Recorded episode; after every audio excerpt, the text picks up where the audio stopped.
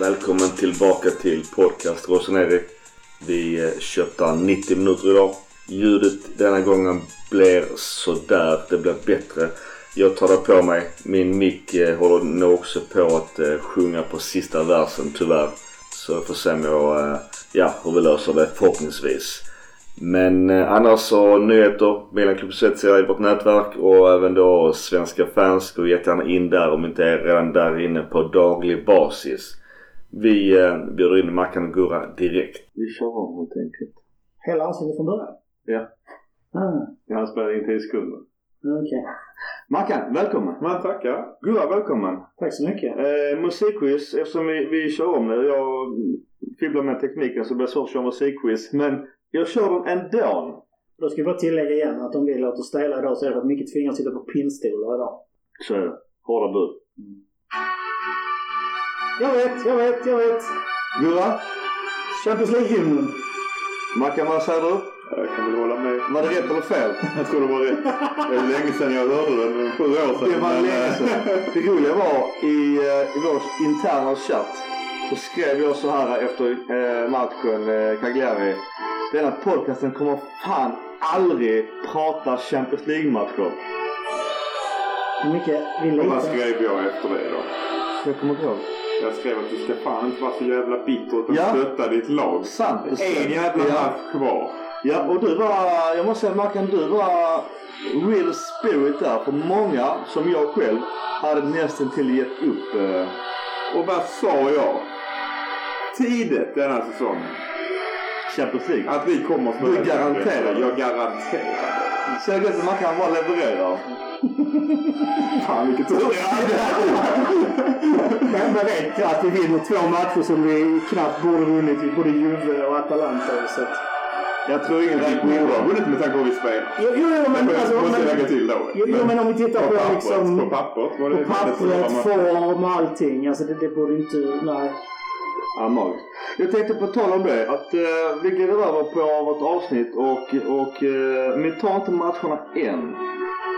Utan vi... Du kan stänga av låten. Du, du ville släppa Den var ganska lång den låten. Ja, det är det faktiskt. Däremot så får Gattuso inte spela Champions League. Kan faktiskt outa redan nu. Jag har en nyhet uh, färsk från, från Twitter. Och uh, Gattuso är klar för en ny klubb. Fiorentina. Vad säger du om det? Jag tänker så här att eh, kan det vara så att han var orolig för att Milan inte skulle slå Atalanta så därför medvetet fixade han så att Napoli inte skulle upp fjärdeplatsen? Nej, det var väl redan klart sen innan att han skulle inte fortsätta i Napoli. Mm. Enligt alla rykten i alla fall. Jo, alla rykten. Men jag undrar lite anledningen för att han har ju nog haft bra resultat med Napoli och deras spel bra spiken i kistan var nog inte Champions League. Ja. Hade han lyckats med det så tror jag... Sen vet man alla med Di Laurentiis. Han kan tycka att, att Gattuso inte klarar av Champions League så att det... Nej, där har du en poäng faktiskt. Den killen är inte så, ska man kalla det, logisk alla gånger. Han är känslomänniska. Han är lite, lite, lite nyckfull. ja. Jag håller med dig Micke. Lycka till i Fiorentina Gattuso men inte när ni spelar mot Milan. Nej exakt. Mm. Exakt. Han får rätt på Cotrone. De har ju ändå good old vibes. Finns det någon klubb i ligan nu som drar våra gamla spelare som Hanash? Men däremot han var nära faktiskt Champions League. Om inte varit på, nu ser vi rörliga bilder på Quadrado mot, jag tror det är Perisic. Eh, matchen mellan Juventus och, och Inter. Mm. Helt avgörande. Jag var skitförbannad mycket för att eh, många av mina Interpolare hade lovat mig att de skulle göra jobbet mot eh, Juventus och ta poäng. Det vill säga våra matcher därefter var betydelselösa. Uh, Juventus vinner med 3-2. Uh, eh, domaren är ju katastrof. Han får betyg 3 av 10. För att han var skitdålig och den här matchen när Quadrado får straff i 85 någonstans. Gurra, du, du tycker att det är straff? Så jag säger det finns absolut fog. Han gör en överstegare, han är på väg åt andra hållet. Då springer Perisic in i honom. Han är på väg åt vänster i det läget när Perisic kommer in. Det finns absolut fog för en, eh, för en bestraffningsbar förseelse där. Hoppar och ska gå vänster, Perisic kommer in i benen. Sen är det smart av honom. Han lägger sig ner, han får det med sig. Men det som VAR har gått in, lusläst detta. Det är, en bestraff, alltså det är bestraffningsbart det som händer för, för att backen kommer in i Quadrado. Sen kan man tycka vad man vill och hur det ser ut och döende svanen och hej och hå. Men eh, var som helst på planen, om det hade blivit frispark hade inte folk sagt någonting. Nu blev det så avgörande. Det blir jätteavgörande. Och jag kan säga, hade Milan inte vunnit över Atalanta och blivit femma i ligan, då hade den här situationen varit den jag tänkt på först och främst efter 38 omgångar. Inte 0-2 spetsiga Mm, och... Absolut, men det här var helt avgörande för då hade ma- avgörande matcherna varit döda. Napoli, Milan, Atalanta och Inter hade gått till Champions League. Kul Och med lite spänning. det var ännu mer spännande om Juventus inte hade gått till Champions League. För Ja. det hade varit intressant för ligan och vad som har hänt med Juventus. Tycker Gattuso jag verkligen misslyckades med. Ronaldo verkar redan på väg bort från Juventus. Mackan, vad säger du? Är det här straff? Quadrados eh, stämpling? Jag kan säga den som är med. Gult kort på Quadrado. Du kan inte på Men Han, han, nu. Ja, men- du, du, du, du- nej, nej, nej, nej, stopp, stopp. Du ser Du sitter, du sitter alltid och pratar om går med med rak fot, Men, men det är inte, det, du, du läser situationen fel. Du ser inte hela. För Quadrado är på väg att göra en, alltså en riktningsförändring. Kolla på hans fötter. Här, sätter han, här gör han fint. Där sätter han högerfoten för att vända upp. Då kommer backen in. Det är bestraffningsbart. Nej, förlåt. Det är bestraffningsbart. Alltså regelboken är tydlig. Han gör en riktningsändring, där kommer backen in. Sen att han sätter upp foten, ja visst. Ja, men, men backen kommer in för att täcka ut, han bara, täcker ut honom för det är ingen situation. Men du får inte mölja ner någons Han gör ingenting. Quadrado går in i honom. där. Ja, han gör ingenting. Perisic, han gör ingenting. Han, han, alltså ingenting. Klippet ligger på vårt eh, Twitter i rörliga bilder så får ni själva avgöra. Jag... Eh, Jo men det här är samma person som lagt upp den här som tror att de inte kollade med VAR. Det kollas med men VAR. det spelar ingen roll. Alltså, rent- alltså situationen är... Domaren får ju skitmycket kritik i Italien. Han får tre Jag vet vad det kollas med var. Alltså, och nu är det faktiskt ingen kritik. ja, okej, okej. Det är ingen Eh, kritik. för alla- om vi då jämför med en situation i Atalanta-matchen när Milan spelar mot Atalanta och Rafael Leao blir fälld. Mm. Som du sa att det kollades inte av VAR på grund av att domaren hade koll. Alltså VAR-rummet kollar alla de här situationerna. Sen rapporterar de ner. Är detta någonting som du har gjort fel? Ja eller nej? Tycker VAR-rummet här, hade VAR-rummet här tyckt att huvuddomaren hade gjort fel så har de ropat ner till honom, du behöver kolla den här situationen igen. Det sitter alltså två Men domaren kan alltså då välja att nej, jag har Ja. sett allting. Det är sant. Domaren kan säga Som andra ord så kan man ändå, oavsett om VAR har kollat det eller inte, så kan man tycka att domaren gjorde fel för han skulle i alla fall gått ut och kollat. Sen Och han avstängd i sista omgången. Ska också sägas. Och fick 3 av 10 betyg. Den här matchen var inte domaren bra i. Nej. Alltså det, det är inte bara den situationen, det är rätt många. På båda håll. Mm. Mest fördel ljudet tycker jag. Men det är ju för att jag vill att Juventus skulle få ja men det vill vi allihopa. Det här är skitsurt. Jag vill verkligen kunna säga att det här är felaktigt men det finns absolut fog för, för, för en förseelse här. Han kommer in i de springer, alltså men på oavsett, det här kan mycket väl vara en frispark och jag kan inte säga att domaren ett uppenbart fel. Nej, jag håller inte med alls. Jag, den är, jag, hade jag varit dummare här, visst nu kan jag inte räkna upp på mina fem fingrar. Men utifrån vad jag ser i rörliga bilder så hade jag ett kvadrat och gult kort för han går in med sulan för och stämplar ner Perisic i denna Det situation. han ju inte. Ja men du, men vänta, vänta. Du, du kan inte säga annat. Alltså hur, hur kan du säga något annat här? Alltså det, han, han är ju, Det är lika mycket Perisic som som går rakt in i foten. han gör ingenting. Quadrado är på väg att byta. Han gör ingenting. Quadrado ska ju ta ett steg åt vänster där. Då kommer Perisic in i hans fot. Men oavsett, sitter vi verkligen och diskuterar en match mellan Juventus och Inter bara för att Juve lyckas ta sig till Champions League? Nej, jag, jag, för min del är det återigen, för nu börjar det rullas upp att det finns ju domare i Italien och vi har pratat tidigare. I Italien säger jag att det är mycket konspirationsteorier men att det finns domare som kommer bli avstängda på grund av fusk. Eh, bland annat den domare som vi hade mellan Milan och Napoli. Som vägrade ta åt den VAR-situationen på straffen där eh, Theo blev fälld av Bakayoko. Den domaren är en av de, det, det är tre, fyra domare som eh, kommer att utredas. Domaren mellan eh, Juventus och Inter, han kommer garanterat också vara en av de som kommer att utredas för den här matchen är jättekonstig och helt avgörande för Juventus. Och Juventus spelar numera också återigen i Champions League och det är på bekostnad av Napoli, kanske Gattusos jobb. Eh, och det har varit intressant att se vad Jens hade gjort om de inte hade klarat sig till Juventus. Nu är de ju fortfarande kvar i sin superliga så att Uefa har väl kanske någonstans fortfarande någonting de kan göra kring det. Förhoppningsvis. Ja, om det nu är fusk. Det vet vi inte. det finns väl också då i den här utredningen av domarna så finns det ju dessutom en Ja, nu har jag inte läst den, själva utredningen och eh, vilka instruktioner de har. Men det ryktades ju om att det skulle utredas vilka klubbar som kan påverka domarna. Lite likt den skandalen vi hade för en, 15 år sedan nu. Ja, Calciopoli. Det finns en kultur i Italien om att man ska ge domarna presenter och allt vad det var. Ju större klubb desto finare presenter har de getts liksom. De kom till Juventus och Inter berättade de fick de ju lyxklock. Det får de ju ta bort. Ja, det är inte Absolut. bra. Absolut. Men är det det som utreds eller andra grejer? Nej, Nej. Så, det vet vi inte som sagt var. Men det, det, ryktas om att det ska utredas om klubbarna har för stort inflytande över domarnas, vem som blir domare än en gång i just deras matcher. Och om de på något sätt kan påverka. Jag, jag, jag säger det, och nu lyfter jag fram NHL som ett föredöme igen. Du borde lyfta bort domarorganisationen ifrån ligastrukturen. Göra domarna helt autonoma. Förbjuda all offentliga påhopp och liknande, för då får man bort fokuset. Där är, där är det alltså procent på omsättningen av att officiellt ge ge sig på domar från klubbrepresentanter. Och då får man bort fokuset, de kan fokusera på sitt. Klubbarna har ingenting att säga till om, om någonting.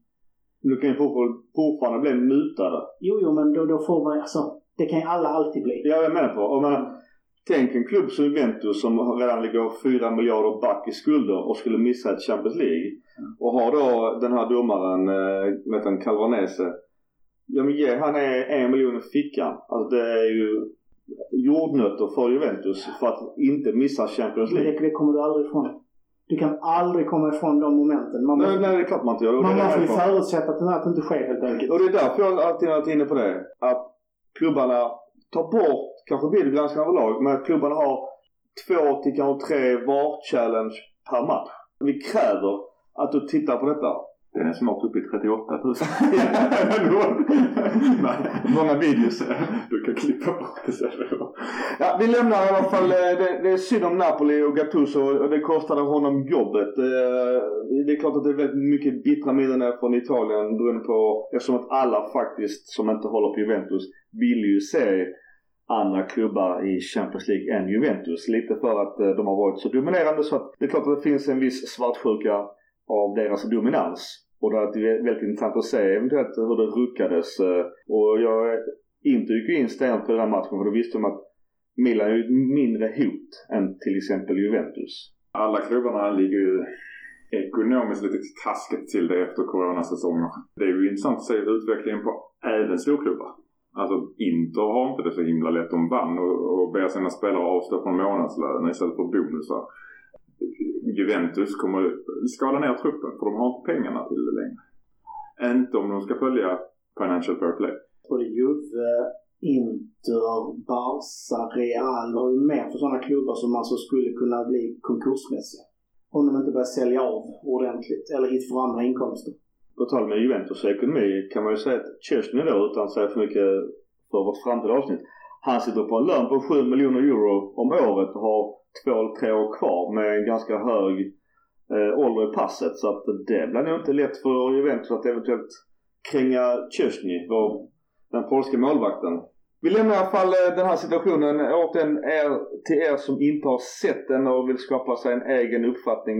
Så gå in på eh, podcast Roseneri Twitter. Den ligger där i rörliga bilder en bit ner under fina Champions League-bilder.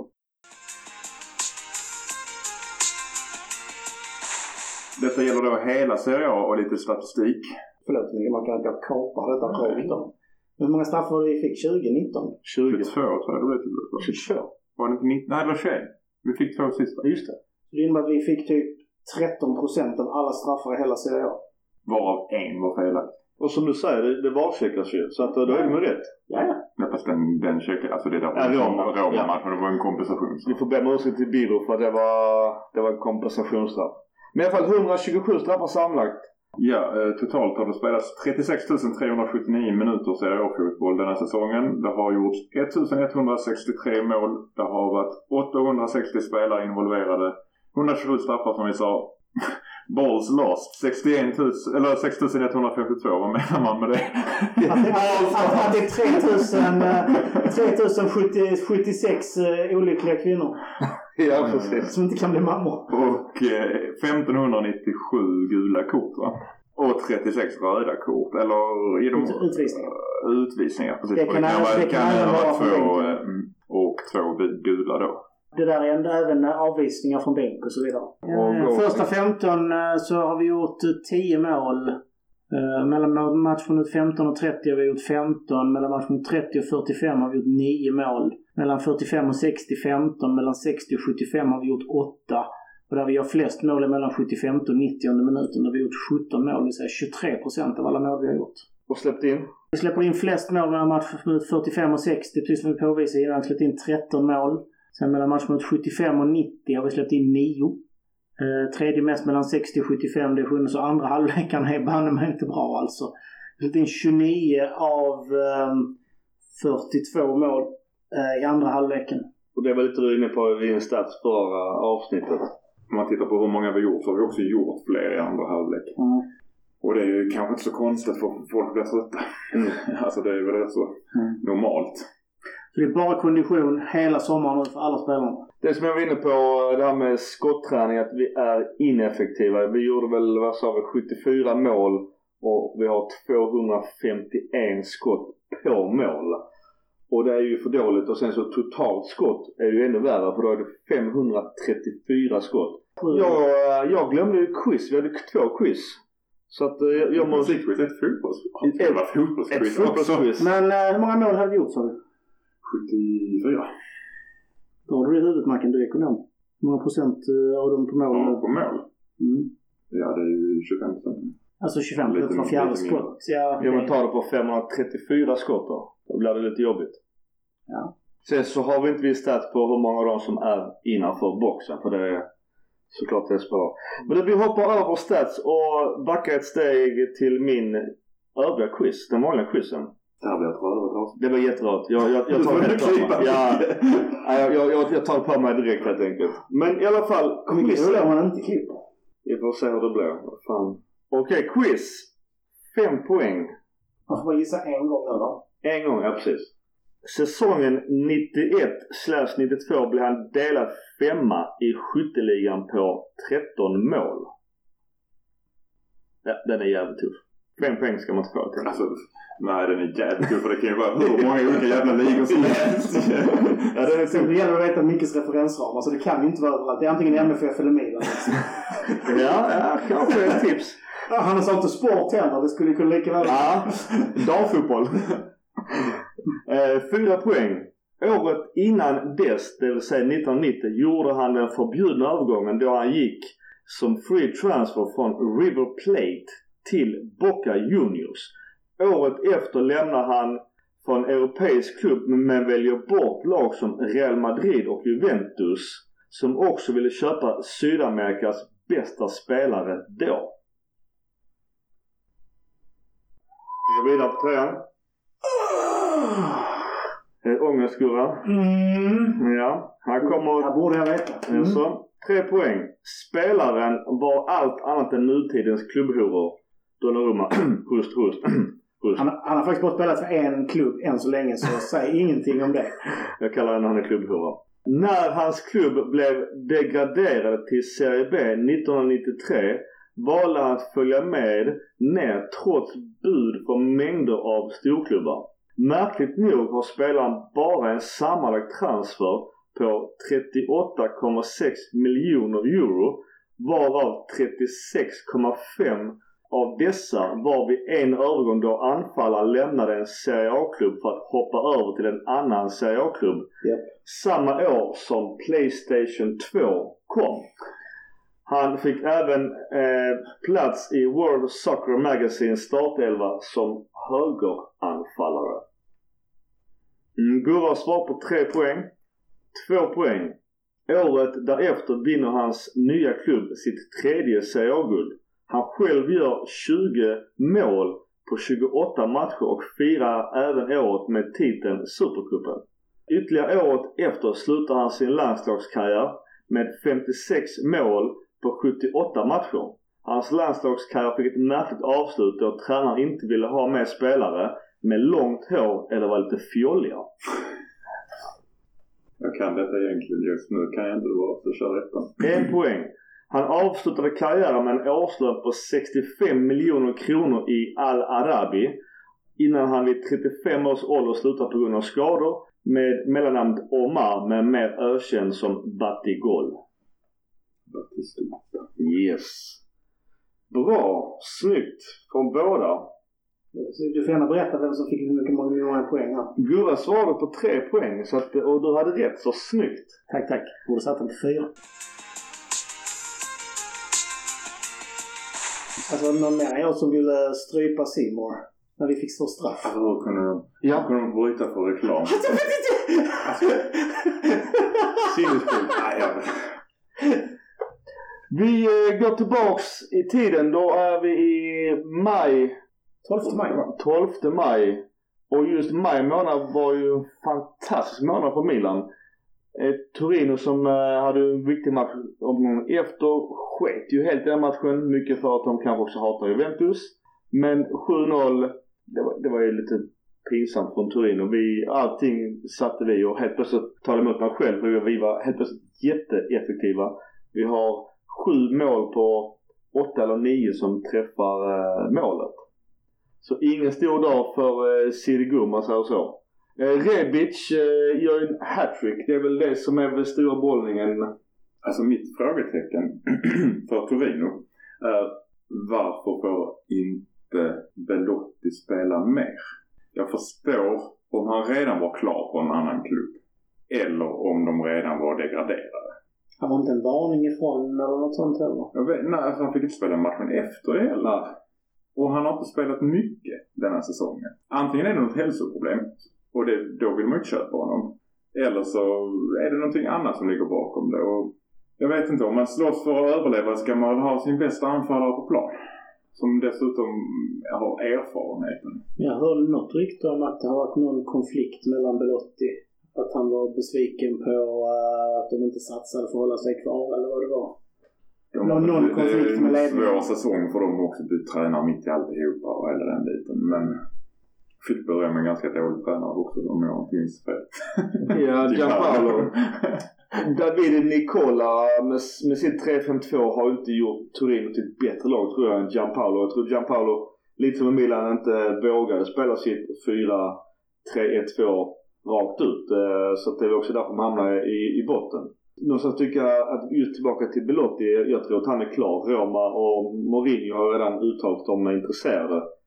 Milan, eh, hade Milan gått till Europa League så tror jag att de hade varit, eh, haft han som sin prime target. På, den, på det hyllplanet. Nu är det ett annat hyllplan kanske. Det är frågan, ja, vad är prislappen där? Det Ja. är skitsvårt att Jag tror inte den är så stor som man tror. Eftersom jag tror han bråkar sig bort.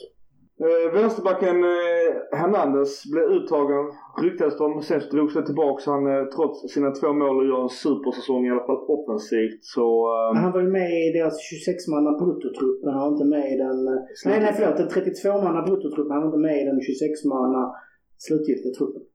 Det, det är ju tråkigt för honom. Det är samma Calabria. Han blev inte uttagen heller i Itali- Italiens trupp och det tycker jag är jättekonstigt. Jag må vara färgad och milanista men jag tycker att han är en av Italiens bästa högerbackar. Jag håller med samtidigt så man kanske ska vara lite glad. Ja. Ja, Det har varit en jobbig säsong. Vi har spelat många matcher. Det var inte långt uppehåll mellan säsongerna på grund av corona. Det kanske är bra om de får vila och får en ordentlig försäsong. Hernandez tränar försvarsspel en hel sommar. ja. Men det är Men, men vad gäller Hernandez alltså... Och då måste jag bara säga Hernandez försvarsspel mot Atalanta Mm, har jag inte mycket att klaga på. nej. Han har Nu sina hoppar jag över matcherna igen, jag Ja. vet. Men vi är vana.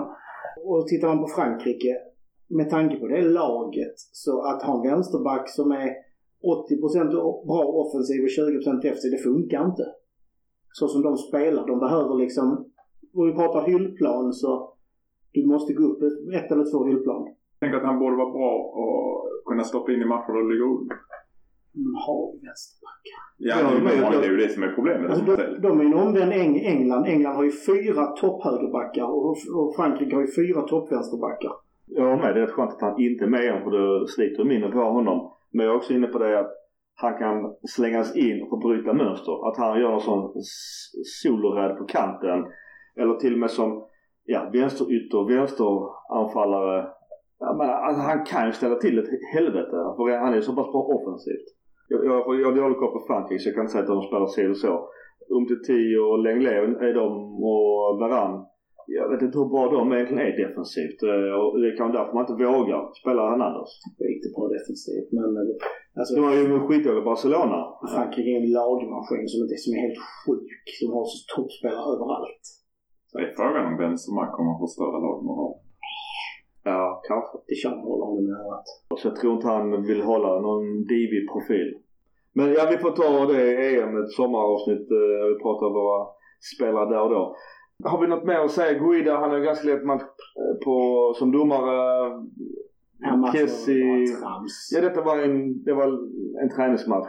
Vi har varit inne mycket på att vi har varit ineffektiva, att vi faktiskt kunde vara effektiva. Det var, vi gjorde nästan mål på varenda chans. Mm.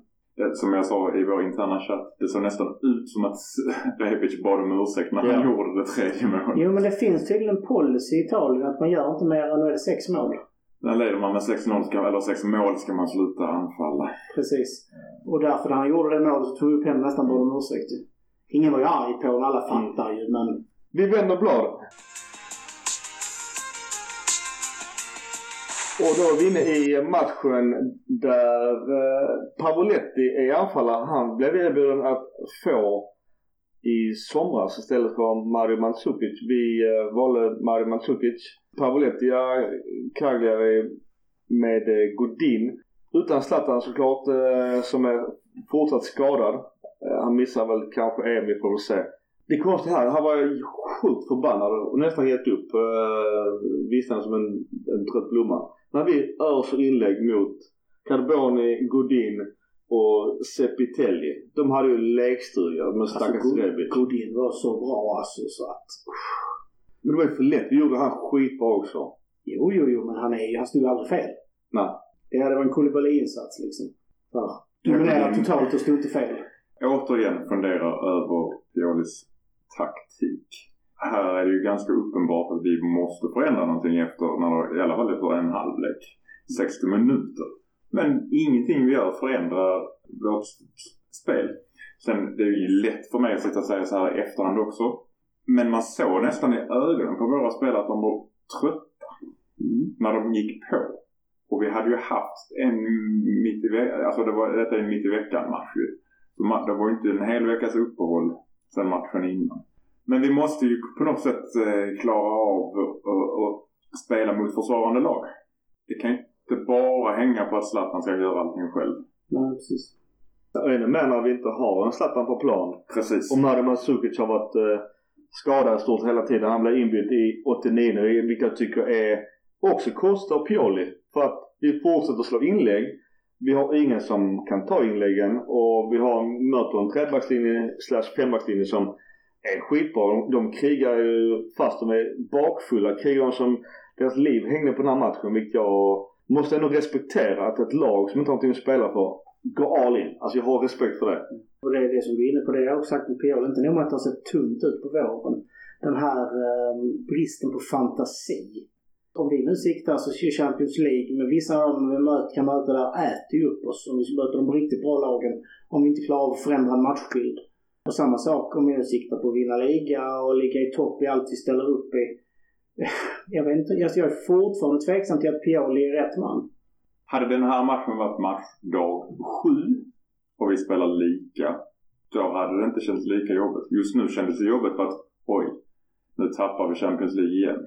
Jo, det jobbiga är ju precis som du är inne på. Att trots att man ser vad fel, vi ser fel, vad felet är när vi sitter här.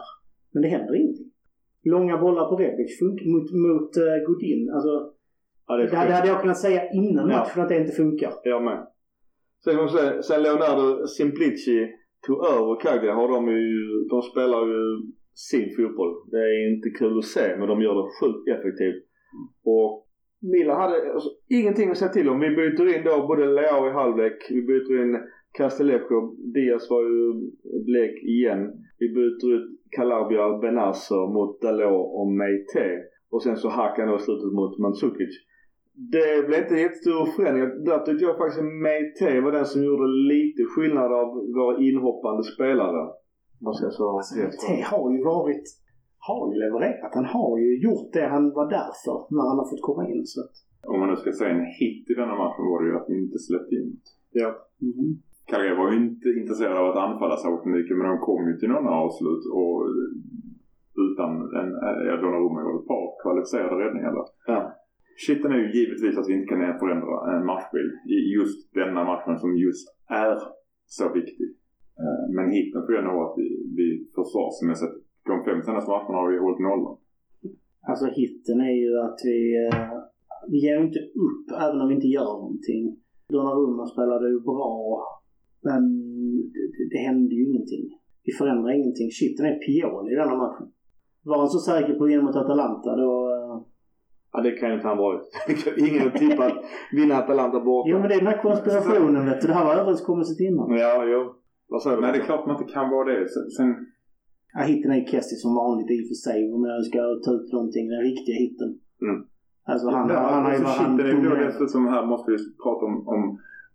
spelare som inte levererar. Jag skulle det är faktiskt inte bara. Pioli. Nej, nej, Du nej. har ju spelare som gång på gång inte levererar. Mm. Jag pratar faktiskt inte om Rebic i denna matchen. Är vi tillbaka på hacken igen? jag tycker nästan att hela laget Mm. eh, är dåliga på att leverera. Och det, jag, visst, Pioli har en del av det. Men spelarna har också en del i det. Måste man påpeka. Men det är då jag funderat, varför har man Hakan på en kant? Vi har sett flera säsonger på att det inte funkar. Han ska ju, när de gångerna han har varit bra, då har han spelat centralt och fått, och fått jobba upp och ner och lite fri roll där. Varje gång han kommer ut på en kant så försvinner han. Jag kan svara på det direkt. Det beror på att Diaz gjorde en bra match mot Juventus. Mm. Jo, jo. Som satt i mot Torino som var helt urbleka. Och att vi har en skadad Zlatan. Vi har en Leao som inte har gjort kungens piss på eh, 10-12 matcher. Vad, vad ska du sätta då? Nej. Sen just också till Milan Jaha. och Piolis. Ja, ja, men till Piolis försvar. Ett Benevento 2-0. Juventus 3-0. Fiorent- eh, Torino 7-0. Mm. Det är svårt att byta, men jag håller med att Hakan har aldrig spelat bra på vänsterkanten. Det har vi pratat om i så här han kom till Milan. Och det borde man kunna veta. Sen också just det här. Hur kan Pioli ändra ett lag som har 12-0 på, på tre matcher? Det blir också svårt. Jag var också inne på ett spår Mackan, som min shit är ju, som du var inne på, även spelare inte levererar. Och jag sa själv, jag satt här själv och var lite kaxig när det var 10 omgångar kvar. Vi kommer nå Champions League om Ben Arthur spelar resterande 10 matcher. Och det har han mer eller mindre gjort. Men han har varit den som har varit övergående sämsta spelaren i Milan de här senaste 10 matcherna. Och det gör mig orolig bara så. Har han kommit fram för tidigt? Har någonting hänt med honom? Någonting som hämmar honom för att han, han har varit så jävla bra till bli en medioker spelare som blir utbytt i nästan alla matcher för att han har haft en svag insats på mittfältet. Det är min shit. Hitten också. Ja, alltså Kessie, Hernandez är de som, och Kjär som är, får godkänt. Men, men det, jag var så besviken efter matchen. Jag var beredd på att slänga ut TVn och ge upp. Jag skrev till och med på något konto att där sket det sig. Vi hade egna händer, vi hade en lätt match och vi pissar, pissar bort det. Sen ska jag också säga att, att Nangolan, Pedro och Pavlette uppe Kalle gör en jättebra insats mot oss och jag tänkte så fan, varför krigar ni? Ni har ingenting att spela för. Ni, ni är klara för Serie A till nästkommande säsong. Skit i det men alltså jag älskar ändå den här krigarinsatsen. Hade Milan haft en gnutta av deras insats i matchen hade vi kanske säkrat Champions League-spel redan då. Vi ska vända på det på tal om spelare som spelar på sin bästa position. Nangolan har ju varit oftast bäst i Kessie-rollen. Ja. Så att, att sätta upp honom som offensiv mittfältare, det känns ju märkligt. Jag tyckte inte man såg mycket av Nainggolan. Nej, men han var ju också fel, fel position. Annars var han som tog bort eh, Hakan också rätt mycket i matchen. Där är också det- varför spelar Hakan på vänsterkanten. Om du hade satt Leao där så hade du inte haft någon som hjälpt Theo Hernandez i defensiven. Och han behöver hjälp i defensiven. Rebic. Ja, då hade, då Leao hade på det topp. lovat mitt, mitten. För, som sagt var, Hakan ska ha skit när han spelar bra. Men det är få spelare som har så offensiv roll som jobbar hemåt så mycket som han gör. Alibi-löpningar i, i, De, de, har ju minskat. De har ju minskat. Det Ja. ska vi ju Men han är ofta nere och vänder eget straffområde. Mm. Och vänder upp bollen på ett bra sätt. Så att jag, sen har han gjort en felpassning där på någon match som inte var så lyckad. Jag tycker han får otroligt mycket skit. Jo, Alltså i, i sociala medier får vi då Jo, men där har det ju väldigt mycket att göra med hans ursprung också. Det finns väldigt, tyvärr allt för många som inte kan skilja på spelar, alltså Milan-spelaren Hakan och Hakan från Turkiet. Det är två helt olika saker när de spelar i Milans tröja. Tänk på Erdogan eller? Ja, Alltså allting med det där. Ja. Det, det har hänt en hel del Mm. där i östra Turkiet. Och och sen tror jag också mycket när man kommer till just Hakan.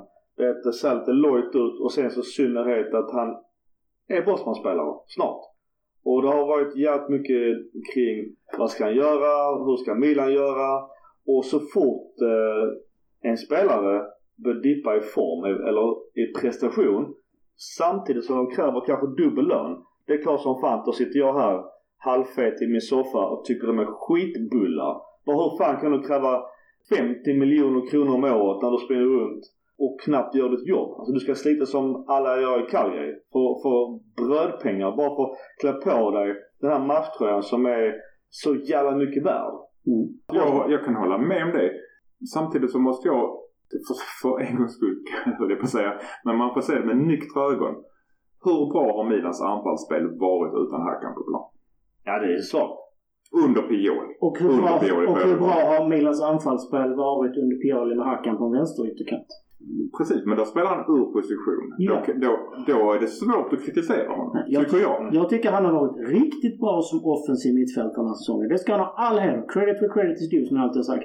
Men vi märker samma tendenser så fort han hamnar ute på en kant. Ja, han springer. Men det händer inget annat. Kanske inte hans. Din polare satt ju i TV, Conchar, Mm. och sa att det var en av världens bästa frisparksskyttar. Men det säger Husfeldt i varenda jävla Ja. omgång han Ja. gör nu. Han har gjort tre jättebra frispark. Han kan inte vara världens bästa hela tiden. Nej. Det, det var länge sedan han var i måste ni Ja. skärpa till er när det gäller just Ja. den grejen. Jag tycker ni gör ett bra jobb annars men just den. Och jag kan tycka att han har en bra tillslagsfot, definitivt. Men han, att han är frisparksspecialist. Hur många har han gjort i Milan? Alltså det är inte Ja, men det är ju sen. Bundesliga-tiden. Och då hade han kanske tur. Ja. Vet. Han körde den där för nästan 40 meter i Hamburg. Men vad fan, det var ju 10 år sedan nästan. Alltså det är dags att vända blad även från, från, från den delen. Han är ingen Juninho eller Nej, exakt. Ingen eh, Pirlo. Mihailovic, Pirlo. Alltså de som faktiskt placerar, placerar bollen genom en nålsöga om de ville det. Roberto Carlos. Ja. Men vi vänder till eh, nästa match, det vill säga sista omgång 38.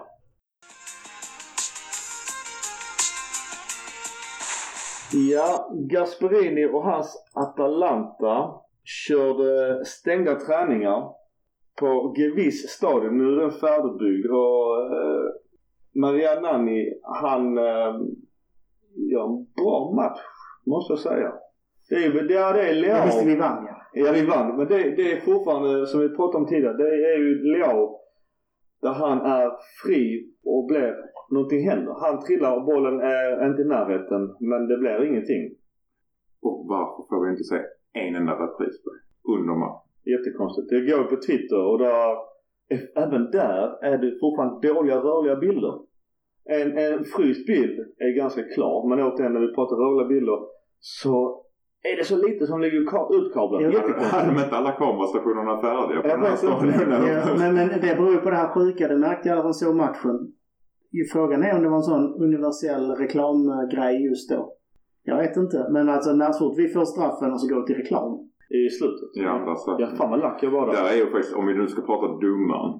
Man skulle kunna hävda att den kanske inte bör vara straff. Jo, för han går neråt. Den är Ja, fast han får en deflection på den också. spelar ingen roll. Hans hand söker är- bollen. Eftersom handen rör, hade han hållit handen stilla där ute så hade det inte varit någonting. Men han rör handen mot bollen och då är hand söker boll och då är det bestraffningsboll. Så det hade ju inte varit något farligt läge kan jag säga. Om han, om, om han hade haft nere handen hade bollen gått över, över kortlinjen. Ja, ja. Jag säger inte att... Jag har en polare som eh, bor i USA. Han såg eh, Derma parallellt med Juventus-matchen. Han är själv Juventino. Så han satt ju lite nervös, även om de gjorde sitt jobb ganska lätt utan Ronaldo på plan. Men där satt ju den jävla Klinsmann i Sky-studion i USA och menar på att första straffen Milan får är inte straff. Vad säger vi om den? Eh, jag tänkte så först också. I första kameravinkeln jag såg var jag tveksam. Men när man ser andra kameravinkeln så ser man att killen som kommer bakom honom tar hans eh, släpande ben. Han är på det och då kommer han ur balans och ramlar.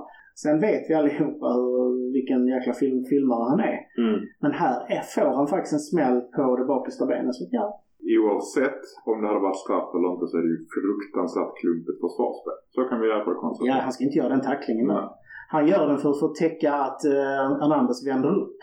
Ja. Men, men då får han göra det smart så han inte klipper uh, benet på honom. För det var väl just Mal eh, som hängde med Toloi bakåt.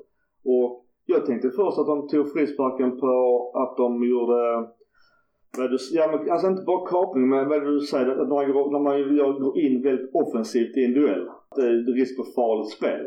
Och sen så är det ju också i kontakt. Bollen är inte i närheten.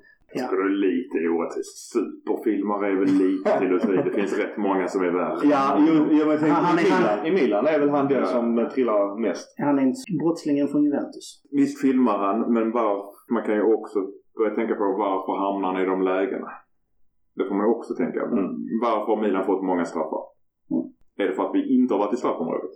Nej. Med boll? Såklart. Men det är man ska säga att bra lag får fördelar och nu ska jag svära i kyrkan i den här podden men det är också därför man tycker ibland att alltså Juventus har varit så pass dominanta och då är, det, då är det inte konstigt att man tycker att de får med sig fler domslut för att motståndarna tvingas använda andra metoder ofta för att stoppa dem. Såklart. Och jag tycker det är helt rätt att de ska kolla, för det ryktades också med den här domargrejen att de ska kontrollera alla straffar som har getts och sånt. För givetvis är det matchavgörande många gånger. Mm. Kolla alla mina eh, straffar. Jag, som sagt jag hittar en som jag ser direkt felaktig. Jag håller med. Alltså här är det bara en klantig tackling och att det är straff är det faktiskt för han är på bakre benet. Ser inte det i kameravinkeln som är från sidlinjen. Du måste se den som är bakifrån. Det är då man ser kopplingen. Kessie eh, eh, är bombsäker från båda straffarna.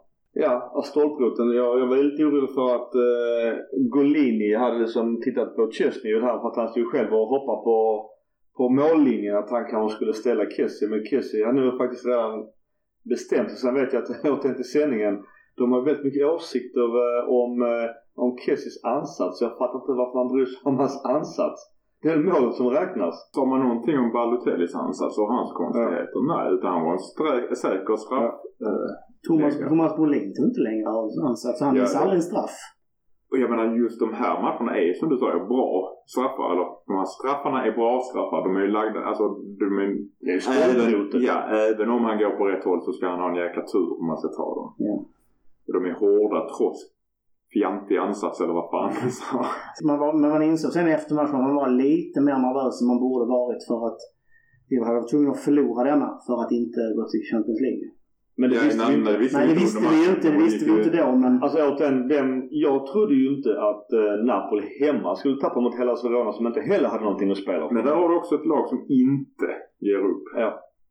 Det tycker jag. Alltså, Judicic all, heder, all heder till dem. Ja, Judicic gjorde en jättebra match rent taktiskt och om man, om man, nu jag bara sammandraget men de var absolut värda sitt kryss i den matchen. Sen är det synd att, eh, ska inte säga synd, men det hade varit återigen kul att se Juventus utanför Champions League. För ligans skull och även för deras egen omstart. Även om mina Juventus-kompisar säger någonstans, det är kanske det som krävs för Juventus. Att de behöver ta ett omtag och flytta på vissa pjäser. Alltså nu, nu Ronaldo kommer ju med största sannolikhet lämna. Att inte han spelar sista matchen. Det Ja, håller med. Astrid i studion. att Det är klart att han vill spela sista matchen. tydligen läste jag ju den att eh, det är inte säkert alls för att vem vill pröjsa en miljard för honom? Framförallt nu när Juve inte behöver pengarna. Nu, nu, hade de missat Champions League hade de troligtvis gått. Men det ska nog mycket till för någon ska slanta. Jag tror inte han är värd en miljard idag. Nej men... Han vinner ju skytteligan fortfarande. Det är magiskt bra att göra. Alltså han är ju överlägsen skytteligavinnare. Jag måste säga Frank Kessi. Vilken spelare. Ja. Det finns inte någon i Milan som kommer i närheten av honom i denna matchen. Han stod ju ensam och stångat mot tre på vid hörnflaggan. Han stångades med tre över hela plan kändes det som. Kommer ni ihåg för var det två säsonger sedan då alla hatade honom? Då han använde sig fel position. Mm. Då Gattuso hade honom i någon uh, Messala-roll eller vad det var. Inte fan om det var Gattusos fel eller det var Biglias fel. Ja. Ja, Utan tvekan Serie bästa mittfält. Dels är man lite nervös just med Leao. För någonstans så... Leao är fortfarande väldigt ung. Han, han har någonting. Men han har varit oftast dålig. Han hade just på tal om matchen här ett skott i virket där vi haft 2-0 och kunnat andas ut sista stunden också. Det, det gör han svinbra. Sen om man är Niang 2.0 eller man har någonting utöver det vanliga. Men jag tror om han får spela i en jag vet inte vilken roll. Alltså jag vet inte vilken roll han ska spela i. Jo, ska men så- så- men han har, han har någonting ju. Det är är rädd för att det kan bli som Kessie. Nu behöll vi Kessie tack vare han på väg till Inter etc. Spurs. Men är flera. Nu spelar han ju i rätt roll och är ju med i R-Star säger jag. Alltså Leao i rätt roll. Leao är en av våra snabbaste. Eller väl han och Hernandez som är snabbast på de första 10 metrarna. Alltså Leao har en, alltså en acceleration på korta avstånd som är helt sjuk. Han är också en boxspelare. I boxen missar han precis aldrig. Nu gjorde han denna matchen bara för att jag säger detta ju, men att använda honom så i Zlatan-rollen är dödsdömt. Och det har vi sett flera gånger. Han ska inte vara bollmottagare och bollfördelare. Han ska bara ligga och fiska i djupet. Honom och Zlatan tror jag hade varit ett jättebra tvåmannaanfall. Zlatan tar emot, skarvar, förlänger, slår vidare. Leao bara ligger och fiskar och sticker och sticker och sticker. Han har sprungit sönder för de flesta backlinjer. Men eh, ska han inte användas rätt så finns det ju ingen roll för honom. Vi kommer inte spela tvåmannaanfall tyvärr. Jag vill ha ett tvåmannaanfall. Jag, jag tror 4-4-2 har jag sagt så många gånger. Jag tror Men även-. Men även med en anfallare så, kan, så finns det en roll. Om han får en offensiv roll, bara ligga och fiska på ytor, sticka, sticka, sticka. Men att vara bollmottagare, det är dödsdömt. Nej, det har vi sett. Det, det, det kan ju Så ingen att, tro. så att om, men om Pioli får lite fantasi och vi kan ge anfallarna olika roller på vem som spelar så har Leao absolut en roll att spela i den här klubben. Vägrar han ändra någonting, då, då finns det ingen roll för Leao. Sen han släppte sin rapmusik har han varit ganska dålig. Anledningen till att man kanske är besviken på Leo är ju prislapp. Hade han kommit genom de egna leden från ungdomslaget så kanske du inte hade varit lika besviken. För att absolut, statistiken är inte jättedålig. Men det är som du säger. Man släpper en spelare som André Silva som kostar ungefär lika mycket. Som inte var bra i Milan. Men som utvecklas och blir jättebra i Tyskland. På det sättet Det vi, det som du och pratade om i början när han kom till Milan att han kan bli den som, gör- som gör 20 varje säsong om vi spelar honom rätt. Då spelar vi en jättekonstig 4-3-3. Flygplanet ville inte ens ha honom från början han ville ha den här ärkesupa Nikola. Han kom ju aldrig rätt i det och eh, han var ju lysande i proff som Flygplan. Montella. Montella. Idag, idag ser vi Frankfurt och hans värde är ju dubblat från 40 Milan köpte honom för till det snackas Real Madrid för 80. Så bra är André Silva. Och, och återigen, lite som tidigare Klassian Huntelaar. Vi har ju många exempel på där Milan har haft världsstjärnor stort sett. Men inte spelat dem rätt. Lite som nu spelar vi Kessie rätt. Fan vad skönt. Vill jag säga det återigen, som vi tre har sagt. Att Hernandez som vänsterytter tror jag hade kunnat göra honom till en världsytter. Mm. För att defensivt har vi ju tyvärr sett när vi kan se på, på stillbilder och reprisbilder när vi får mål mot oss att han inte är rätt på det i position. Jag tycker Leo, eller eh, Pioli kanske har varit lite feg också ibland. Om Leo är frisk och vi har brist på högerytter. Varför inte låta honom prova det? Ja, precis. För han är irrationell. Han kan ju utmana Han är snabb. och snabb. Ja, är Istället sätter man in Castillejo som jobbar stenhårt. Men han får ju aldrig utdelning. Den formen han hade i slutet på sommaren efter det här lilla uppehållet, den har vi inte sett i varit i Nej, tyvärr. Nu åker han ju i sommar såklart. Ja, ja. Han blev utlottad till La Liga misstänker jag. I Atalanta-matchen om vi nu hoppar tillbaka där så Simon Kjær var fantastisk. Lite revansch också för hans egen del som eh, inte fick chansen i eh, Atalanta på riktigt ska sägas. också bra, måste vi då tillägga, hur även om vi offensivt lider på högerkanten så hur duktiga de är på att hjälpa varandra defensivt. Där Mm. på, All heder och sen, men sen och det där kommer vi till nästa kille vi kommer ha som det är Meite. Alltså han och Kessie, det är nästan en ny Bakayoko och Kessie. Ett partnership där defensivt. det man, om man nu ska säga lite kritik till mig så är det väl att han kan vara lite ovårdad och det blir lite lätt gula kort. Han får i knappt, knappt spela så att han, och- tajmingen är precis, inte där. Tajmingen är inte riktigt där än. Men han har någonting. Det är någonting man ser när han är på Han plan. driver boll gör han ju väldigt bra får jag säga. Snabb och stark. Ja, vi har ju redan sagt det tidigare. Vi ser ju hellre honom om, eh, än Rade Krunic. Om vi måste välja mellan de två så tar man ju mig till. Det, På tal om Kessis eh, partner i Benar så även här blir han utbytt efter en svag insats igen. det var för många felpass av honom sen han kom tillbaka från skada. Tonali var skadad då. Nej, han var med. Tonali var med i truppen men han har ju haft någon skadekänning så det är uppenbarligen därför han inte får komma in.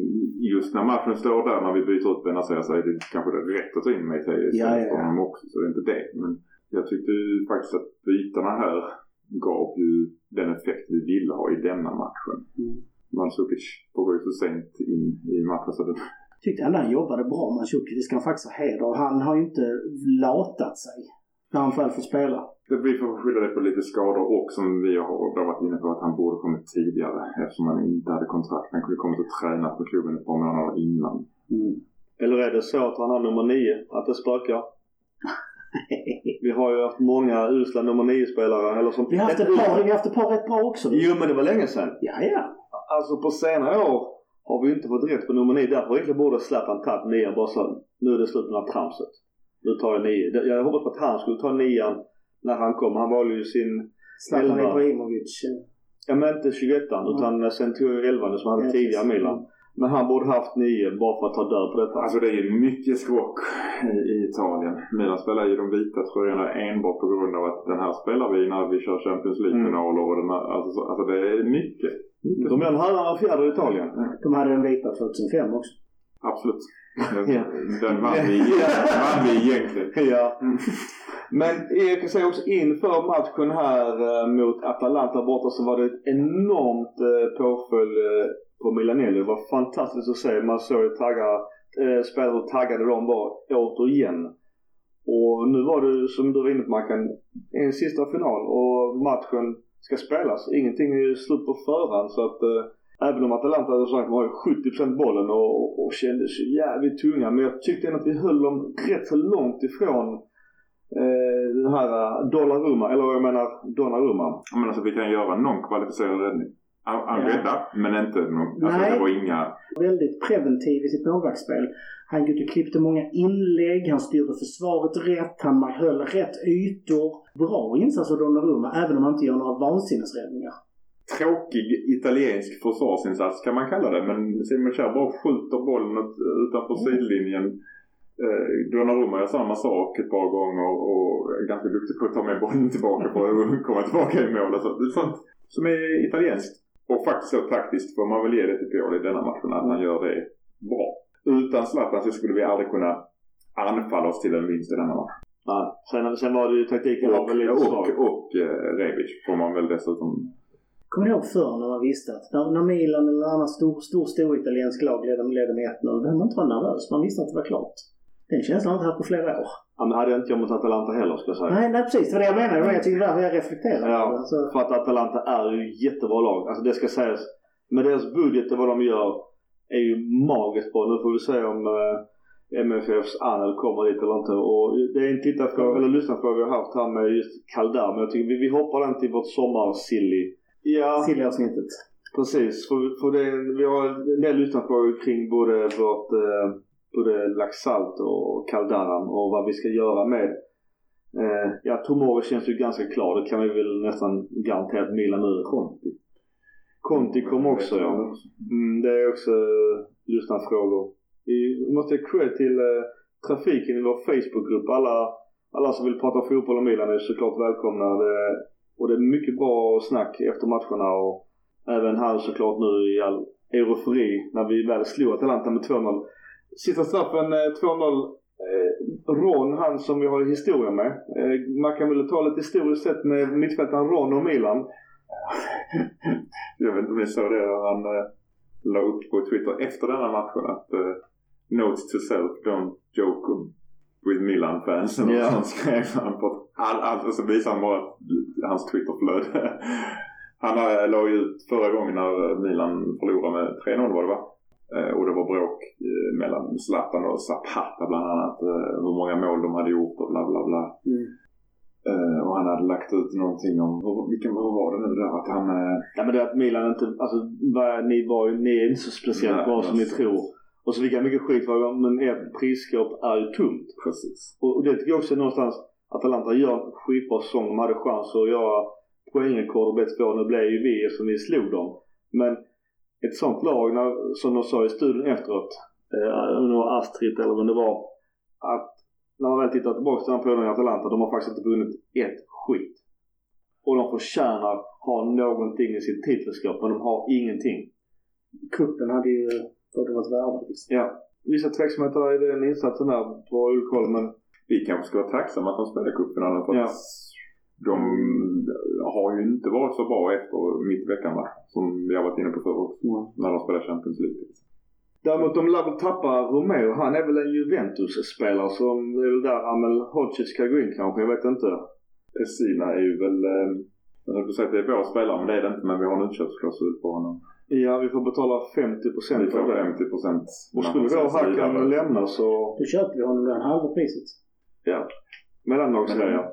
Nu var han ju jätteblek mot, mot oss men det är ju en landslagsman. Han är ju jätteduktig i Atalanta så att eh, jag tar honom jättegärna till Milan. Men som sagt, vi, eh, det var också en lyssnarfråga vad vi gör med Pessina.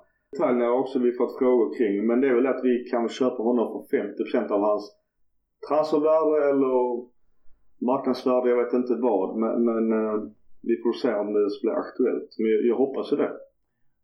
Om inte annat så för att förstöra för Atalanta för att de är så stabila att de eh, behöver bli sönderköpta. De har blivit sönderköpta år Ja, efter jag år efter år. Ja, det funkar inte. Vi, vi, vi försökte till 2018. Ja, De men har ju- Inter tog Gasperini som coach och inte då funkar det. De köpte, köpte vi där var det Kessi, Conti, Caldara. Man kan ju säga så att när de gjorde sina byten så sparade de ju inte på de offensiva krafterna utan de bara, bara blivit inoffensivt. Ja, ja, de var bombade på. De hade ingenting att förlora i den här matchen. Nej, såklart. På tal om lag, det enda de spelade för var 5 miljoner i prispengar. 24 tror jag det för andra platsen och 19 för fjärde platsen eller sånt där. Alltså det är inte så stor skillnad mellan att vinna och bli två. Det var 500 miljoner. Det är roligt på tal om att vinna att, som du säger, det är inte stor skillnad mellan egentligen 1 till 5 stort sett. Men Inter får, har de råd att betala ut sina guldbonusar till klubbar till spelarna? Nej, det, det är frågan där som sagt var. Senast idag läste jag ryktet om att Conte har inte bestämt sig om han ska fortsätta klubben eller inte. För han vill se satsningar på rätt. Kan de satsa? Nej. Köpt, nu gick det med på något lån och det var väl inte lika dyrt i ränta som vi hade med Elliot. Men det kan ju också sätta Inter i kanske skiten. Men att behöva låna pengar för att betala ut löner och bonusar. Det är ju inte... Nej, det är så bra. det är lite Lyxfällan-varning på den. Vi kanske inte, man ska inte dra för stora växlar heller med tanke på att alla klubbar mm, i princip, storklubbar får vi definitivt, men nästan alla klubbar går dåligt på grund av att du inte får folk på läktarna i- till stor del. Mm. Man kan väl också tillägga att Atalanta hade spenderat ungefär en halv miljon euro per mål i löner.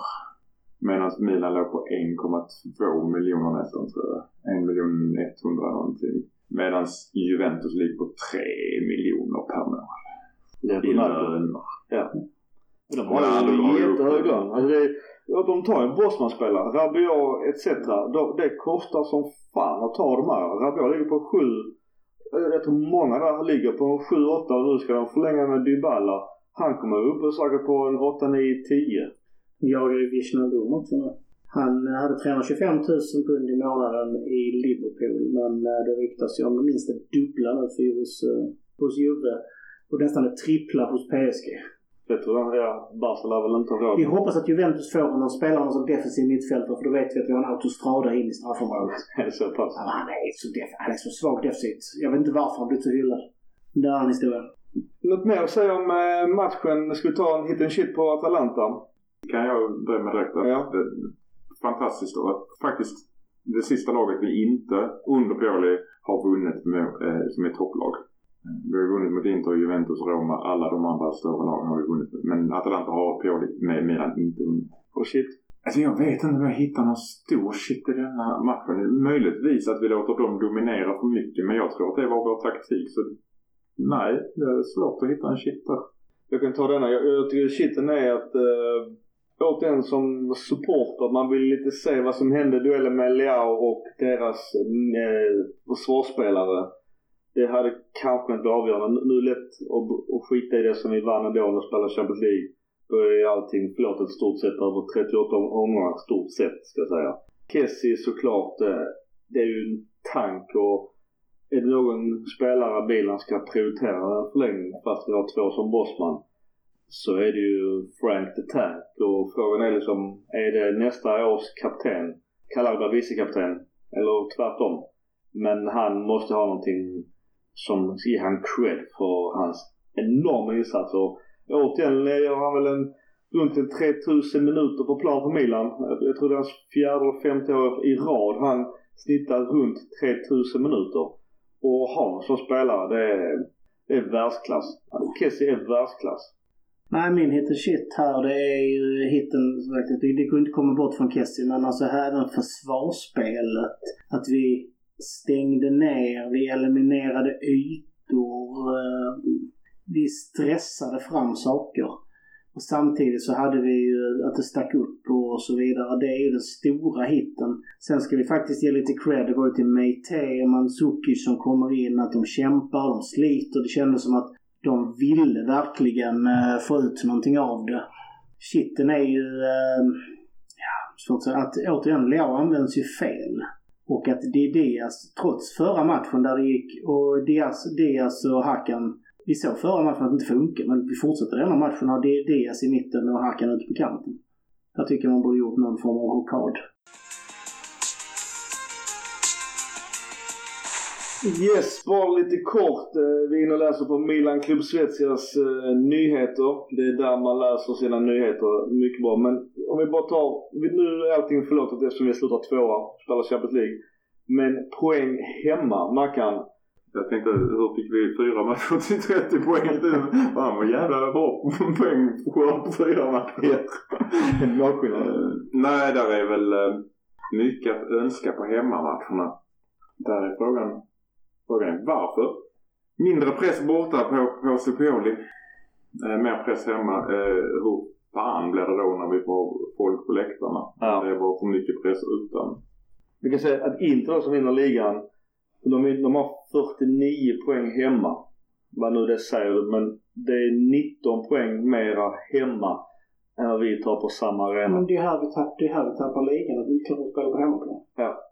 Alltså på 19 hemmamatcher tar 30 poäng. Det, det är rätt dåligt. Sedan är det ganska bra på bortaplan. Ja, berätta.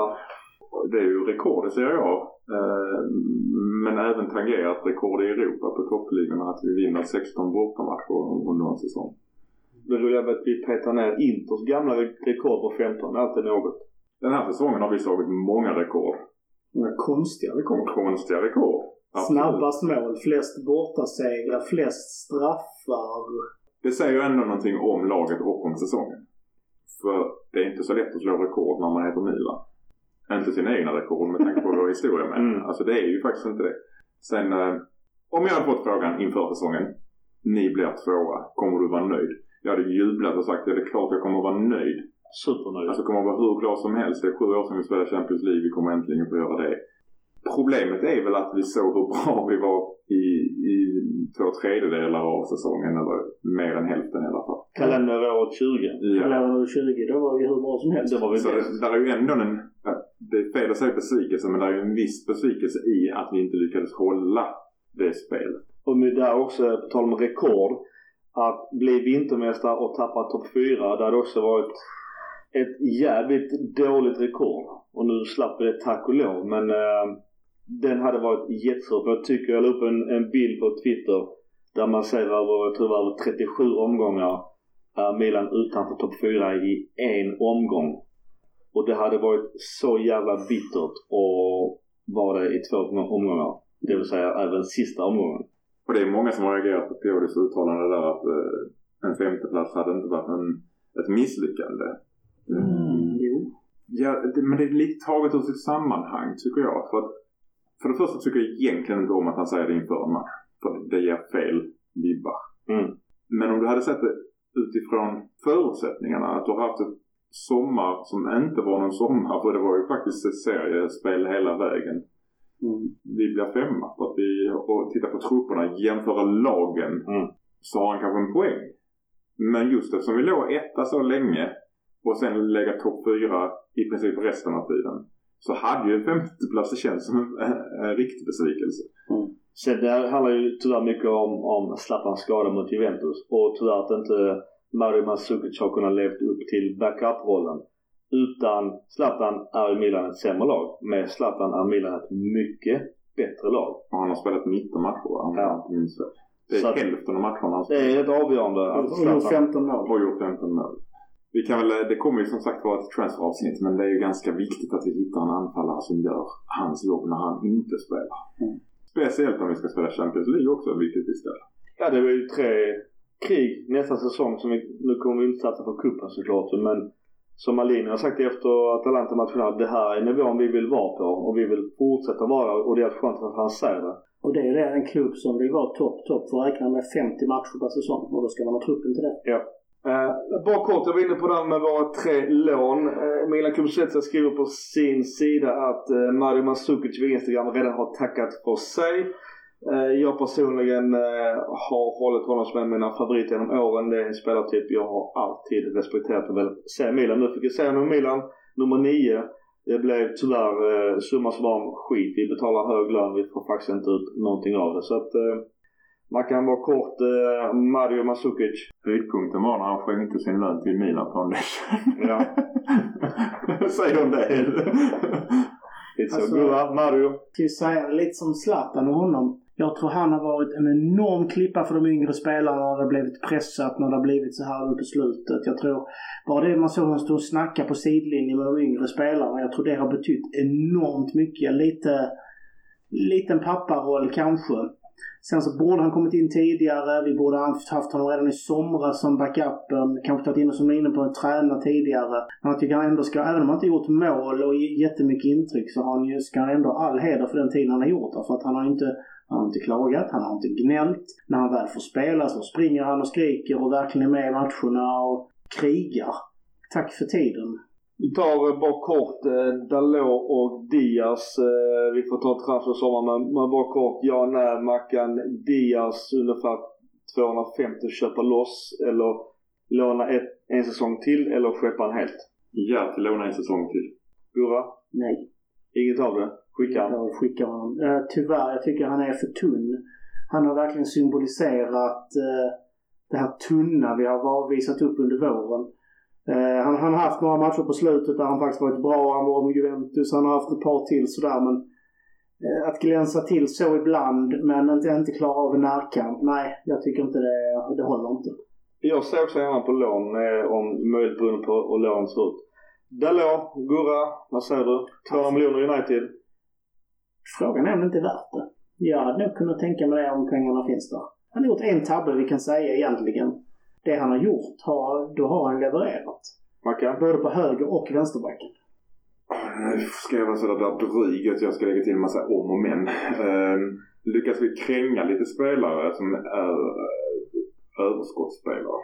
Om vi lyckas kränga Conti, Laxalt och få in en del av de pengarna som han kostar så ja. Annars så tror jag att det blir svårt både ekonomiskt och eh, truppmässigt att ha för många.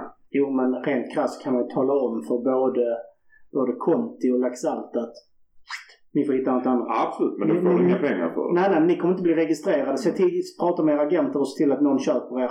Här är det här låga priset. Kan vi få in hälften av hans kostnad i försäljningar så säger jag ja.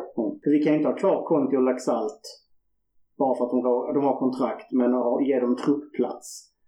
För, alltså, för de, är, de håller ju inte nivån. Det är bara att inse. Ja, det håller jag med om. Men fortfarande har de kontrakt och de ska ha sina pengar i lön i år. Så Mm. och där är... Då blir priset lågt. Då går de var som helst. Priset blir lågt, men det är i alla fall pengar in. Man kanske kan få 5 miljoner pund eller någonting. Ja, fast fan. Fast fine. Det är liksom det är ändå, Alltså, det är ju en stor fördel med Dalot är att han kan ta båda platserna på och han gör det ju bra. Ja, Jag måste säga att eh, eftersom Calabria är så mycket bättre så säger jag att eh, jag säger nej till eh, Dalot. Så vi ska inte ha någon backup. Jo, utan det är Conti. Conti får bli backup. Det är en billigare lösning. Jag, jag, jag tycker inte att det är så stor nivåhöjning på Dalot från eh, varken Conti eller eh, Calabria. För Calabria kommer vara ohotad och då blir Conti, du välkommen tillbaka. Du är backup till Calabria. That's it. Och så lägger han pengarna på något annat. För att högerback kan även Cernak spela så jag tycker vi har täckning där. Och 200 miljoner kronor är jättemycket pengar. Men har vi lite högre ambitioner så måste vi ha bättre nivå på backupen än Conti. Men jag kan säga så här, vi kommer prata Silly och transfer senare men sånt som Emerson Royali, Barca, Betis eh, har utgående kontrakt. Så att jag tror att eh, det finns, återigen, det finns rätt mycket högerbackar som är billigare än 200 miljoner kronor. Sen kan ju Dalot nu, klubben, ha lärt sig spa- italienska på ett fantastiskt sätt, på ett väldigt snabbt sätt. Att, eh, all cred, men eh, det är för mig för mycket pengar. Och visst vi kan man pruta, säg hälften, så är det en annan femma. Men jag, jag är en snål jävel. Jag tycker det är mycket pengar. Det är ju mycket pengar i, i coronatid. Ja. Vi backup. Han är backup. Ja. 200 miljoner för en backup. Jag tycker det är mycket pengar. Och vi kommer ju till Celia Smith som sagt. Men där är ju först kolla vilka positioner vi hellre behöver förstärka på. Ja. För att hitta någon balans i det här. Problemet, är, ekonomiskt. problemet är om vi sitter där, Calabria går sönder, slänger in en Conti som kanske kan spela var tredje match. Var står vi då? Selmaker. Selmaker som... Ja men då har vi, då har vi, då har vi två Hernandez, en på varje kant. Så har vi Kalulu Ja. som kan spela höger. Ta lagbygge och truppbygge och diskussioner sen det. Men, men i alla fall lite spridda skurar kring våra tre lånade spelare. En är redan på väg bort. Så Vi har Mario inte fler Mandzukic. Vad sa du? Har vi inte fler lånade spelare? Ja, två lånade till.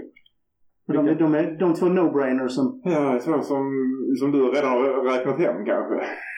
Tonali Tomori. Ja, ja. Ja, ja, men de är hemma. det har jag redan räknat hem nog. Alltså, det, det är no-brainers att köpa bägge. Ja.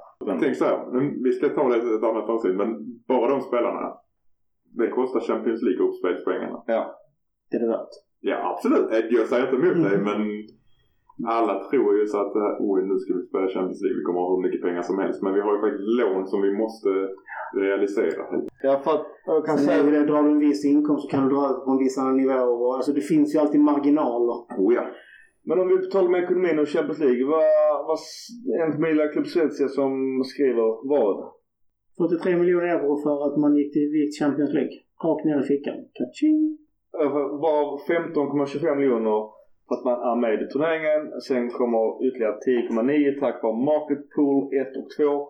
Och man får även 16,6 miljoner tack vare sin historiska ranking. När vi, har, vi får in mer på historisk ranking äh, än vad Inter får till exempel. Som, För att vi är mycket bättre om historiskt sett. Mm. Enkelt. Och just när vi ändå pratar Champions League som var årets stora mål. Hamnar vi i pott 4.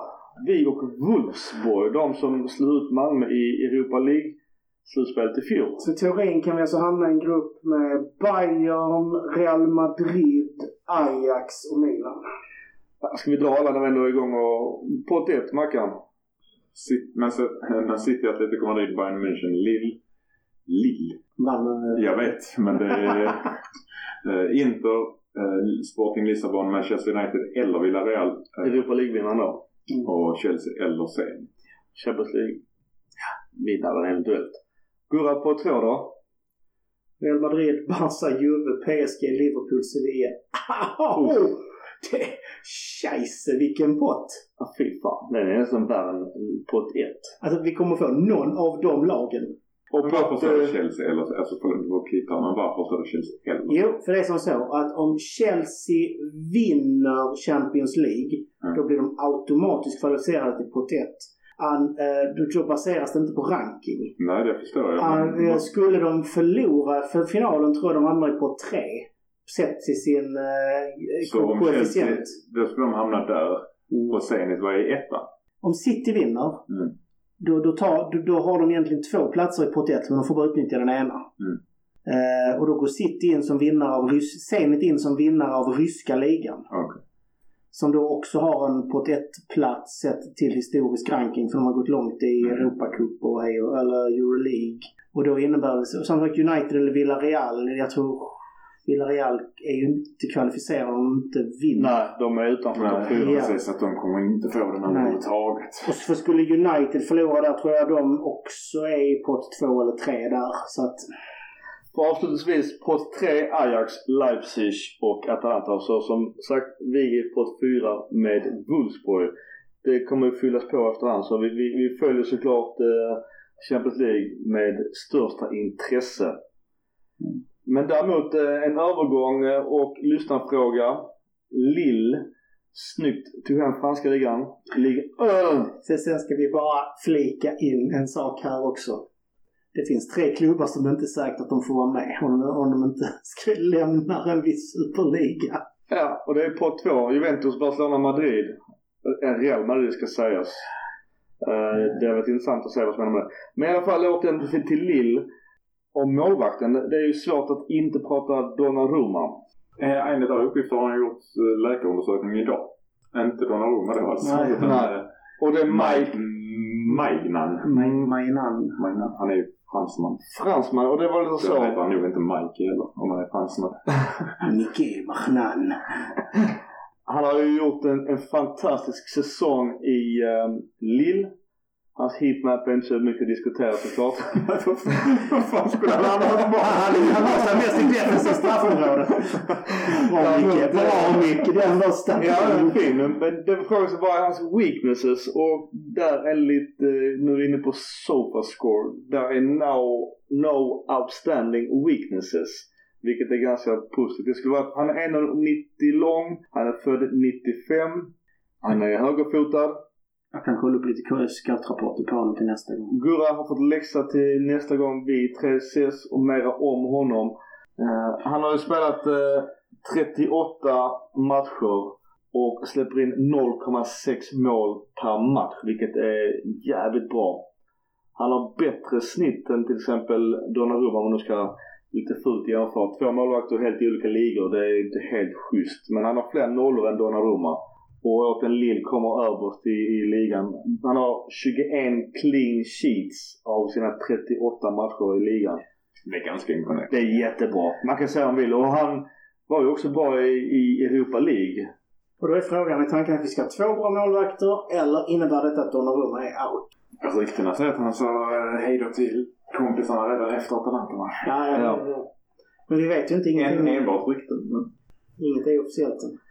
Det är ju det här Maldin har ju sagt då att vi eh, kommer inte vara intresserade av att ge Raiola, om det stämmer, 200 miljoner kronor i eh, agentarvode och det har ju varit även banderoller idag på, på San Siro och även utanför Casa Milan att eh, vi är ingen klubb som eh, man kan råna. Alltså man använder italienskt ord för det men någonstans ungefär som att Vi kommer inte Han- hållas, vi, han- vi ska inte hållas gisslan eller något sånt. Ja. Och det tycker jag är rätt. Alltså det är hemskt att tappa Donnarumma.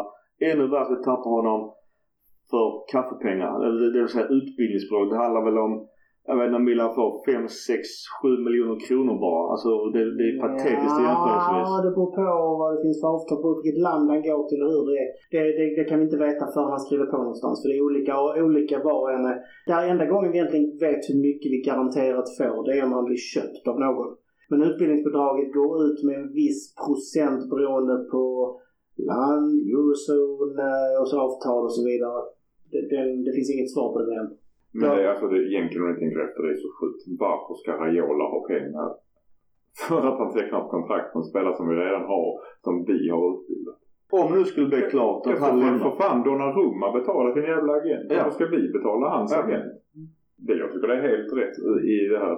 Jag tror också det är rätt att inte ge pengar till Raiola. Om nu det var så, ja men jag är en girig jävla snubbe som vill ha 9 istället för 8 miljoner. Alltså det, det, det finns ju också Jo, men alltså jag kan ta att du, tar, att du betalar ett agentarvode när du köper en spelare. För då har de ju kanske varit med och Men även vid förhandlat. kontraktsförlängning är det Jag standard. vet, jag vet. Men de här summorna är ju sjukt. Ja, ja.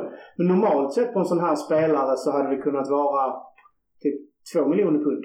Alltså en världsklasspelare som skriver ett långt kontrakt och så vidare. Men det är ju helt rätt att vi inte hålls gisslan.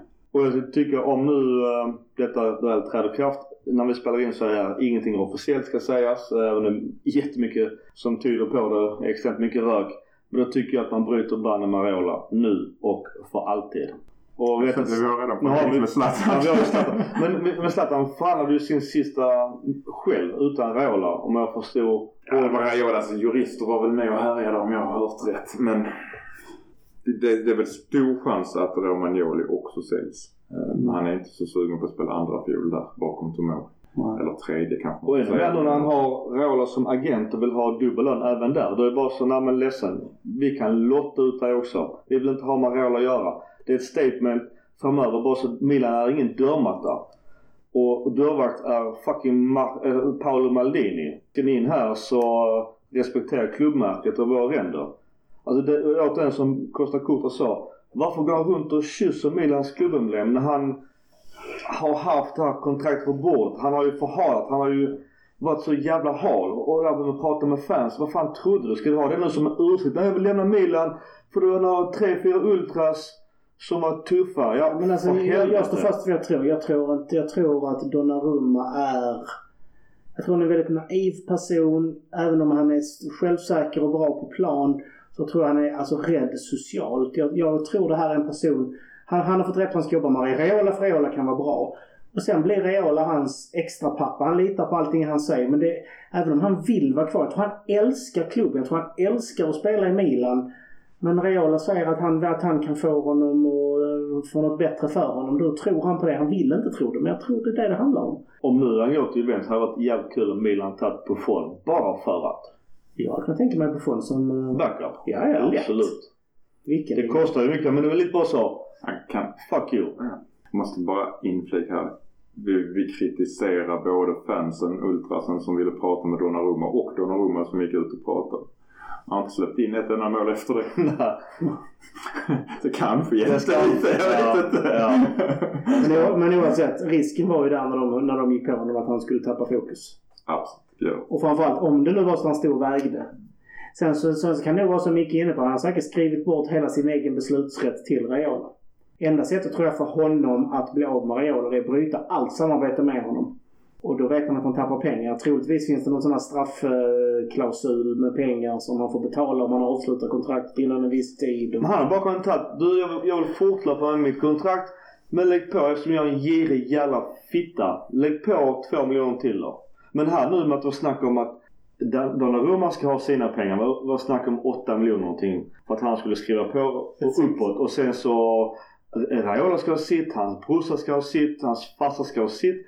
Och sen är det fortfarande bara två års kontrakt. Då menar mina bara så att vi, vi köper en förlängning för 200 miljoner kronor för att kanske skicka honom i sommar för 700-800 miljoner kronor. Alltså det, det är ju en deal man kan göra i så fall men det kommer inte hända det heller. Men jag Det för man måste markera mot Raiola. Det är det Maldini gör. Då, må- alltså, då måste du nästan vara säker på att du ska sälja honom för de pengarna. Ja. Då måste du nästan ha ett kontrakt i förhand. att- För då är det värt det. Bara så. Ja, Okej Raiola. vi- Vet vad vi håller på. Du får igen 200 miljoner fast du redan är svinrik och kommer ha Haaland i din bakficka också i sommar.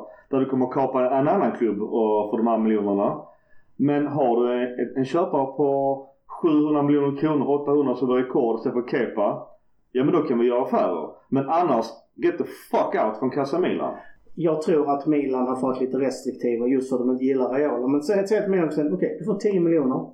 Vi skriver ett sjuårskontrakt och en utköpsklausul på 150 miljoner euro. Det tror jag de hade tagit. Det tror inte jag. Jag tror, nej, jag tror Donnarumma har bestämt sig att Rola antingen som du var inne på, att Rola, ormen som han är, viskar i hans öron. Du, du kan göra si så där borta, bla bla bla. Du kan vinna titlar, det gör du inte Milan. Det kan ju inte heller säga emot. Milan är inte så nära en titel. Varken kuppen eller Europa League eller ligan eller ännu mindre Champions League nästa år. Absolut inte. Det kan kanske göra Juventus mycket möjligt med tanke på deras, deras facit och historiskt sett. Absolut. Men han hade inte stannat i Milan. Det handlar inte om pengar. Alltså Milan har ju, han är ju 22. Han har liksom redan 5-6 miljoner euro om året. Mm. Det handlar inte om pengar för hans skull. Han drar för att, för att eh, titlar, ja nu, nu- kan inte han skylla på Champions League för Milan. Spelar Champions League. Annars hade han sagt det. Jag lämnar på grund av Champions League. Så det argumentet försvinner tack och lov. Så nu kommer han stå där som en jävla riktig fucker inför hela Milan. Och nästa år, när vi kanske har publik förhoppningsvis. Om Milan möter Juventus och han står Juventus. Alltså 75 000, då hoppas jag att jag är en av dem. Jag kommer skrika väldigt otrevliga saker till honom. Jag tror inte han går till Juventus. Men det är, det är nästan en diskussion längre fram. Ja, det är, de har ju Chesney som jag sa. Det är 7 miljoner euro om året på honom och han har några år kvar. Det blir dyrt att köpa, eller köpa, eller ha två målvakter för 170 miljoner kronor om året. Det finns andra klubbar som behöver en Donnarumma bättre. Jag vet, vi tar det i nästa avsnitt. Han verkar i alla fall vara färdig med och det är, vet det här med att han är kapten och kysser. Ja, sånt retar mig som Nej, fan. men jag, det är återigen, jag tror jag är 100% på att han älskar Milan och vill vara kvar. Men han har dålig rådgivare som han lyssnar för mycket på. Men han måste ha fler än en rådgivare. Det kan inte vara så. Man kan inte bara gå till en, även med hans huvudagent. Jag tror att han har skrivit bort allt till Reola. Det, sen, det tror jag också. För det var bara så. Här är allt eller inget.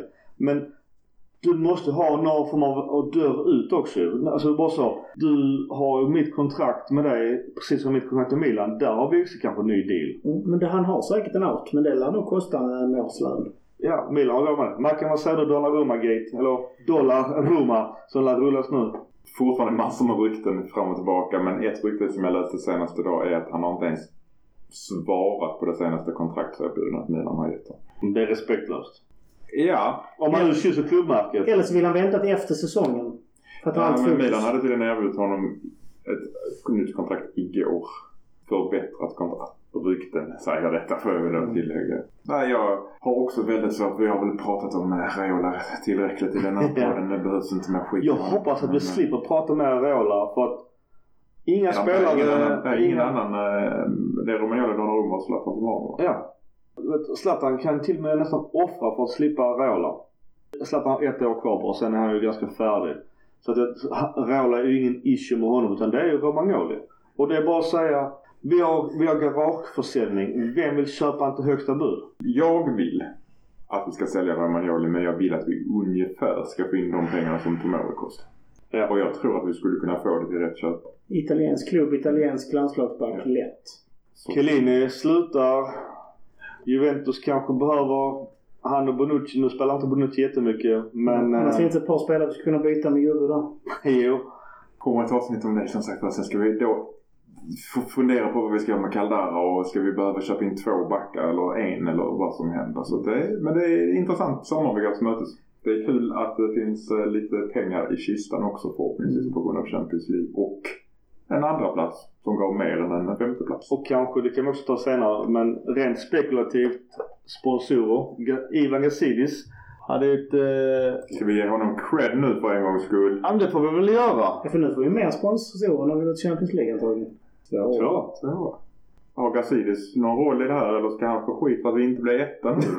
Ja, nu ska jag sågas! Nej, jag, måste säga att men- jag tycker att vi, vi kanske inte alltid är jättenyanserade men Milan sociala medier är otroligt onyanserade. Oh, ja.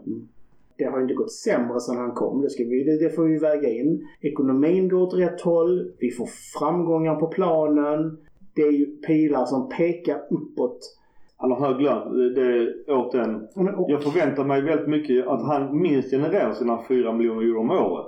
det tror jag han gör.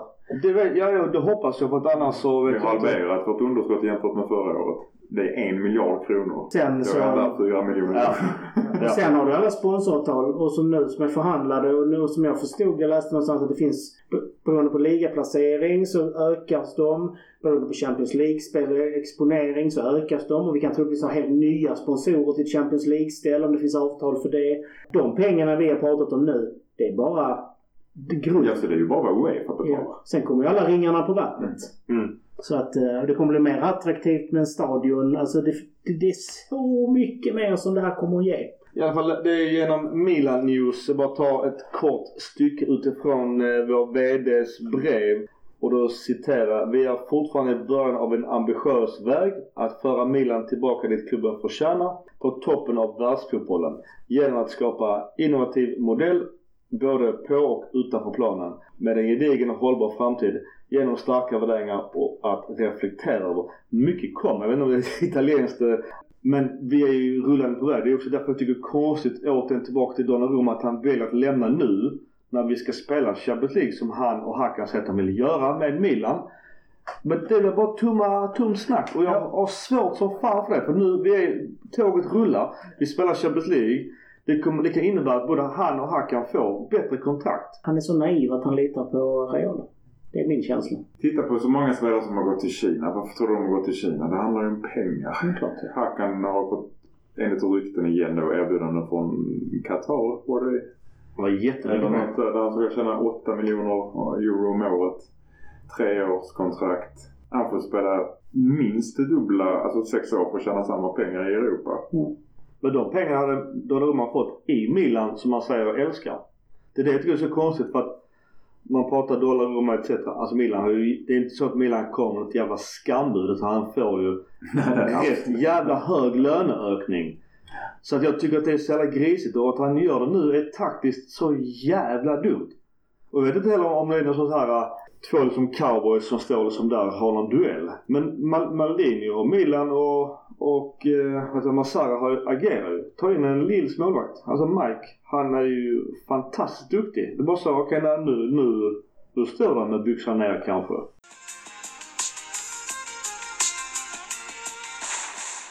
Säsongen sitter en shitter.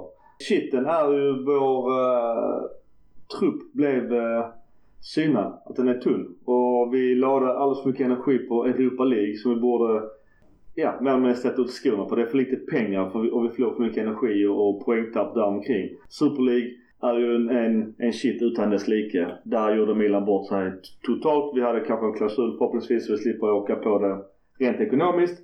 Hitten är ju såklart. Vi eh, når Champions League. Fantastiskt. Jag var så jävla glad i, i söndags. Eh, Det tog tid att somna. Det blev eh, segercigarr för mig. För att fira andra ligger här utanför. Ja. det var skitäckligt. Gurra? Hitten är ju eh, Frank Kessie och det spel han visar upp. Eh, shitten är eh, bristen på coaching och den svaga våren och bristen på taktik som visar, som visar att det är någonting som saknas. Någonting som behövs. Och utöver truppbredd så behövs det någon form av taktisk uppryckning. Vi blev avslöjade som du var inne på. Det, det syns tydligt i statistiken. Hit. Tvåa Champions League. Jag håller med dig där Micke. Den, är efter den, alltså, puls är 190 när man sitter i soffan och tittar på TV. Kissnödig sen eh, matchminut tre. Gick inte ens att kissa i halvtid. För jag var så rädd för att röra mig ur soffan. Du inte. Nej, ingenting. Alltså alltid när jag går så händer någonting. Till och med jag hade lite puls faktiskt. Alltså, jag tyckte Men jag somnade, jag somnade som ett litet barn på kvällen. Såklart. Det var riktigt roligt. Det var länge sedan man fick så mycket positiva känslor av eh, Milan faktiskt. Det är ju givetvis en shit eh, hemmafacit. Jag vet inte om man ska säga Jag får hitta på en annan shit och det tycker jag nog alla skador på våra offensiva spelare som har gjort att vi eh, tappat poäng. Forza Milan. Vad som är Våldsamt.